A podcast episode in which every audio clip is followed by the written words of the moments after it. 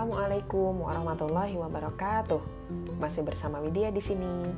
Hari ini masuk hari ke 11 dari segmen yang sudah saya unggah dalam podcast ini. Sebelumnya, saya mau cerita sedikit. Tadi siang, saya iseng membagikan salah satu link segmen dalam podcast ini ke Instastory di akun Instagram pribadi milik saya.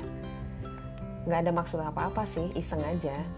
Dari sana, ternyata banyak yang mendoakan, banyak yang mengucapkan selamat, tapi sungguh saya masih perlu belajar. Bahkan saya ingin sekali bertemu dengan orang-orang yang sudah terbiasa membuat podcast dengan bahasan-bahasan yang keren. Mereka udah keren, jadi saya pengen belajar seluk-beluknya membuat podcast. Mungkin untuk orang-orang ekstrovert yang terbiasa berbicara akan lebih mudah ya. Tapi bagi orang-orang introvert dan pemalu dan malu-maluin dan jayus dan nggak luas macam saya ya perlu ekstra effort sih. Saya sedang berada pada masa-masa bingung mau membuat segmen tentang apa. Saya suka kagum gitu sama para artis atau apa sih sebutannya orang yang terkenal dalam dunia perpodcastan. Kalau di Instagram kan ada selebgram kalau di Twitter Land ada seleb tweet. Kalau di dunia perpodcastan apa sebutannya? Ya itulah ya pokoknya. Banyak loh yang bisa ngomong sampai berpuluh-puluh menit sendirian. Saya pengen pengen tahu tuh caranya. Saya mau bikin segmen. Bayangin deh saya mau bikin segmen yang hanya 5 menit ini aja 5 menitan. Mikirnya bisa seharian nanti mau berbagi cerita tentang apa mau e, ngomong soal apa. Bingung gitu. Boleh tanya ke kakanda dia salah satu oh dia satu-satunya orang yang tahu banget istrinya ini kebingungan mencari bahan untuk segmen di podcast ini.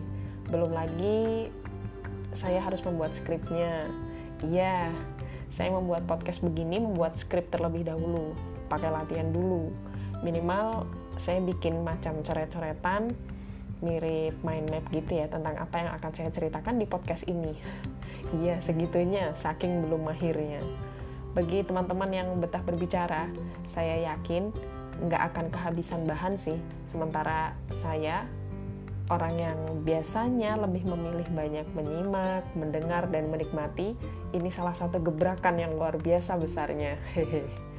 Jadi, saya luruskan lagi ya. Saya membuat podcast ini adalah sarana belajar berbicara di depan umum. Sebelum nanti berani terjun langsung di depan umum berbicara. Saya memilih untuk belajar berbicara secara jelas dulu, secara runtut dulu.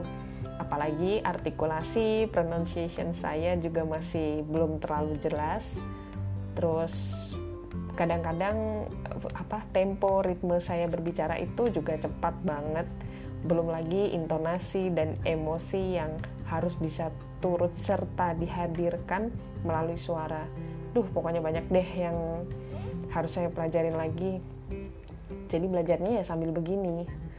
Nah dari instastory tadi uh, kemudian banyak yang bertanya gimana sih mbak cara membuat podcast? Kok bisa sih? Gitu.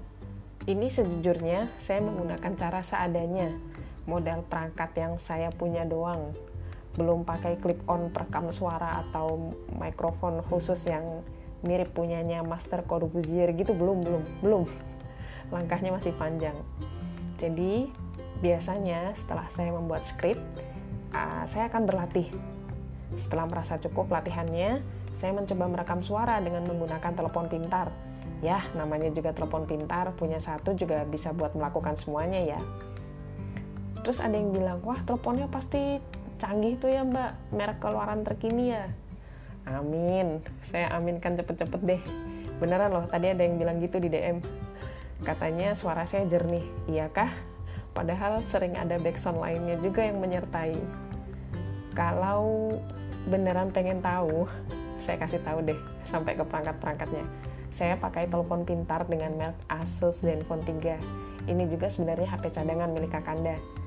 November tahun lalu, Nokia, Nokia 6 yang saya punya itu layarnya mati separuh. Sedih sih, Sementara kami belum ada dana untuk membeli yang baru, ya wis, harus ikhlas pakai yang ada. Oke ya, jadi tadi untuk merekam suara saya menggunakan perangkat dari telepon pintar. modal aplikasi doang, pakai aplikasi Anchor. Unduh di Play Store, banyak kok. Lalu ikutin langkahnya. Terus kita diminta membuat akun. Kalau saya, semuanya langsung sinkron ke Gmail. Biar gampang sih. Kalau ada yang lebih mudah dan lebih simple, ngapain dibuat ribet gitu. Setelah punya akun Anchor, bisa disinkronkan ke akun Spotify. Kebetulan saya pakai Spotify yang paket keluarga ya kalau nggak salah. Itu loh yang bayar sekali tapi bisa buat banyakan orang. Ikutin aja langkahnya, nanti bisa kok sinkron ke Spotify. Tapi 11 hari yang lalu saya juga minta bantuan Kakanda sih karena ada error di salah satu langkah. Tapi sebenarnya mudah kok ikutin aja. Kalau bingung tinggal cari di Google.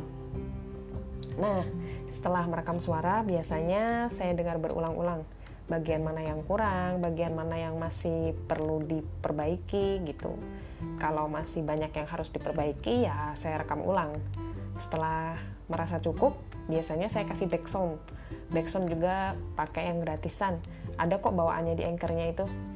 Saya belum sempat belajar menambahkan backsound lainnya sih. Besok saya belajar deh. Kalau sudah oke okay, tinggal beri judul kasih sedikit deskripsi tentukan tagnya dan publish deh. Biasanya ada jeda sampai berhasil diunggah ke Spotify saya pas awal-awal agak kaget juga sih kok nggak langsung ya nggak kayak kita post sesuatu di Facebook gitu kan yang langsung sekali tekan post langsung muncul gitu. Terus kakanda bilang ya semuanya pakai proses kali mie instan aja harus direbus dulu kan. Oke baiklah. Jadi saya biasanya bersabar sih. Kan itu ada jeda beberapa saat nanti udah bisa dinikmatin di Spotify saya biasanya habis publish dari Anchor tak tinggal tidur. Kan bisanya rekaman dengan tenang itu kalau sudah malam hari saat anak-anak sudah mulai tidur ya. Ya gitu caranya. Siapa pun menurut saya bisa membuat podcast. Kan berbagilah dari apa yang kamu merasa paling bisa. Jangan khawatir mulai aja dulu. Yang salah yang saya lakukan ini hanya salah satu cara. Pasti ada cara lainnya. Pasti itu. Belajar aja semangat berbagi semoga cerita saya ini ada manfaatnya ya teman ambil baiknya abaikan kurangnya saya sangat menerima masukan. Terima kasih sudah menyimak, segmen ini. Assalamualaikum warahmatullahi wabarakatuh.